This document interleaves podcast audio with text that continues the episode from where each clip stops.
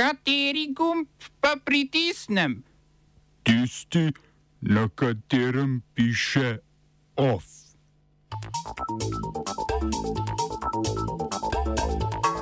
Kitajska z ukrepi za pomoč nepremičninskemu sektorju. Začetek sojenja italijanskemu pisatelju Robertu Savianu, Giorgia Meloni ga obtožuje obrekovanja. Slaba banka od placa za uporabo prostorov na Linhartovi zahteva plačilo. V kulturnih novicah eno kavo in žene v testu, prosim.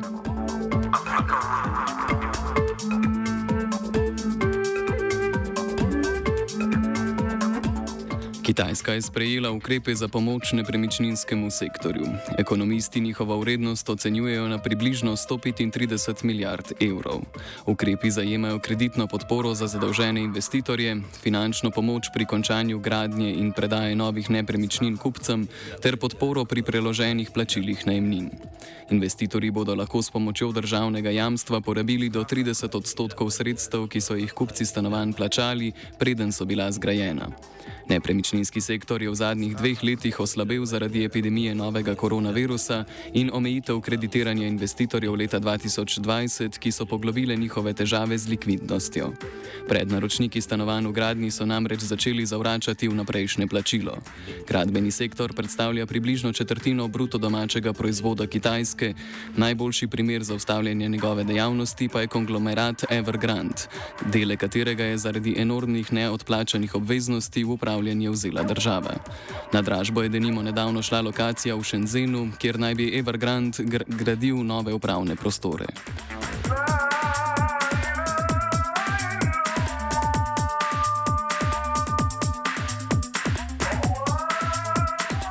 Zaradi domnevnega vohunjenja in predaje zaupnih podatkov kanadskega javnega komunalnega podjetja Hydro-Quebec Kitajski so kanadske oblasti aretirale Jušenga Vanga, ki je bil zaposlen v podjetju. V Azerbajdžanu so oblasti medtem aretirale pet svojih državljanov, ki naj bi vohunili za Iran. Aretirani Azerbajdžanci naj bi zbirali podatke o nabavih izraelskih in turških dronov za potrebe vojske in o državni energetski infrastrukturi. Aretacije so odraz zaostrenih odnosov med Azerbajdžanom Azerbajdžanom in Iranom, saj naj bi prvi podpihoval separatistična nagnjena na iranskem ozemlju, kjer živi več milijonov prebivalcev azerbajdžanske narodnosti. Prav tako je Iran nezaupljiv do vojaškega sodelovanja med Izraelom in svojo severno sosedo.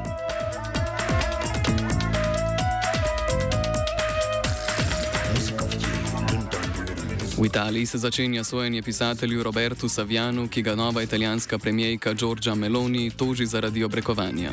Saviano je leta 2020 v televizijski oddaji premijejko oklical za bastardo, v dobesednem prevodu torej za pankrta, v prenesenem smislu pa za prasico. Komentiral je smrt šestletnika, ki je umrl po brodolomu. Krivdo za smrt je naprtil Meloni in Mateju Salviniju, ki je kot notranji minister uvedel dekret, na podlagi katerega so nevladne organizacije za transport beguncev v pristanišča lahko prejele denarno kazen. Meloni pa je v preteklosti izjavila, da bi morali ladje nevladnih organizacij, ki v Sredozemskem morju rešujejo begunce, potopiti. V primeru, da bo Savjano obsojen, bo najverjetneje kaznovan z globo v višini 500 evrov.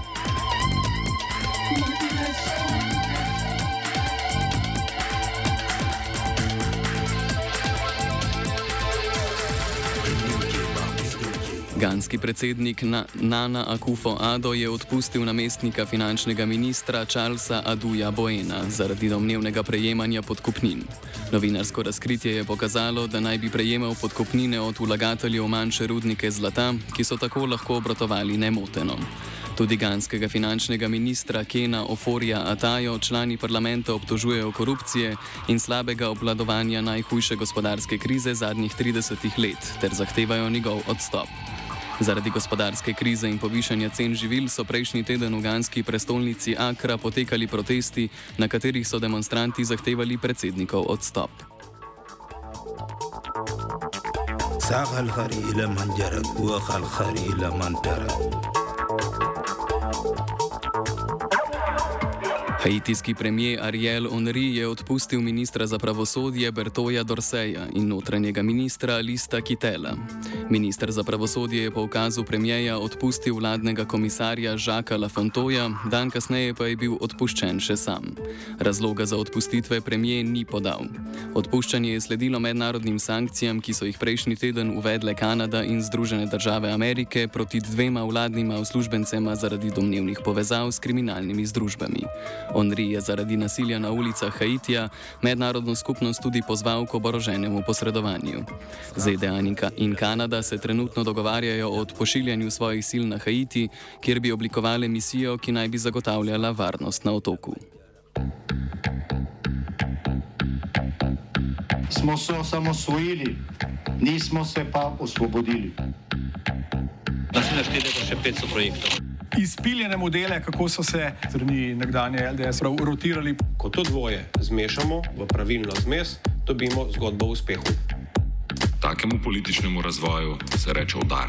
Jaz to vem, da je nezakonito, ampak kaj nam pa ostane? Brutalni obračun s politično korupcijo.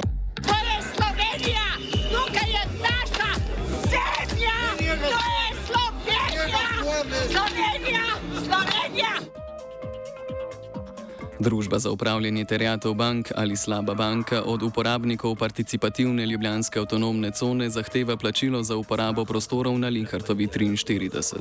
Slaba banka je sicer upravljalec in lastnik stavbe, v kateri se je avtonomna cona vzpostavila. Več o vsebini pisma, ki so ga prejeli, pove uporabnica Placa. DOTB, ki je formalni lastnik zemljišča in objekta, kjer stoji plac, nam je poslal grozilno pismo. V njem grobo napadajo našo avtonomijo in od nas zahtevajo drobljenje skupnosti na posameznice in posameznike, ki bo v njihovi želji na svoje ramene prevzeli vrčevanje več kot 6 tisoč evrov mesečno, ki jih DOTB neutomljeno zahteva kot uporabljino za projekt, objekt, ki je vrsto let zapuščen in v katerem se izvaja nobena dejavnost v javno dobro a pozabljajo na principe horizontalne demokracije in avtonomnih prostorov, v katerih skupnost vedno zastavlja neomejeno število vsako, vsakokratnih uporabnic in uporabnikov, ki ne predstavljajo nikogar. Zato njihova zahteva ni le neutomljena, ampak tudi nekoliko groteska, saj izraža popolno nepoznavanje ali pa gre za spremenjevanje principov avtonomnih prostorov. V primeru, da se ne bomo pridružili njihovim zahtevam, ki bi uničili našo skupnost in prostor, nam grozijo z uporabo vseh dopuščenih javnih sredstev. Obenem so povedali, da bodo, ne da bi se dogovorili z nami, v četrtek 17.11. ob 10.30 stopili v plac. Ljubljanska avtonomna participativna stona ima ostalo na Lihrtovi 43 v Ljubljani v mirni posesti. Zato bomo vsake aktivnosti na tej lokaciji strani Slave banke brez našega slogasa razumeli kot motanje posesti in bomo v tem primerno ukrepali. V kolektivu Placa od premijeja Roberta Goloba in koalicijskih strank pričakujejo podporo, s katero bi lahko avtonomna cona obstala. Direktno apeliramo na predsednika vlade Roberta Goloba, naj se aktivno zauzame proti grožnjam slabe banke in njenim nadaljnim destruktivnim potezam. Predsednik vlade nam je sicer prek Instagrama in maila že izrazil simpatije, ki jih je pospremil z emoji Sončka in tudi javno povedal, da lahko uporabljamo stavbo na Lihartovi 43. A to slabe banke ni ustavilo. Pri njenem destruktivnem delovanju zato pričakujemo, da bo svoje trditve podkrepil z navodilom slabi banki, ne drži prste stran od placa, ter skupaj z nami našel dolgoročno rešitev, ki nam bo omogočala ostati na Lihartovi 43. Zato smo ga že prosili in predlagali sestanek, a, naš predlog, a na naš predlog ni odgovoril. Hkrati apeliramo na vse ostale poslance trenutne koalicije, da izpolnijo obljubo svojih strank ljudem in se zauzamejo za plac. Tudi od podpredsednika vlade Luke Mesta pričakujemo izjasnitev stališča glede placa.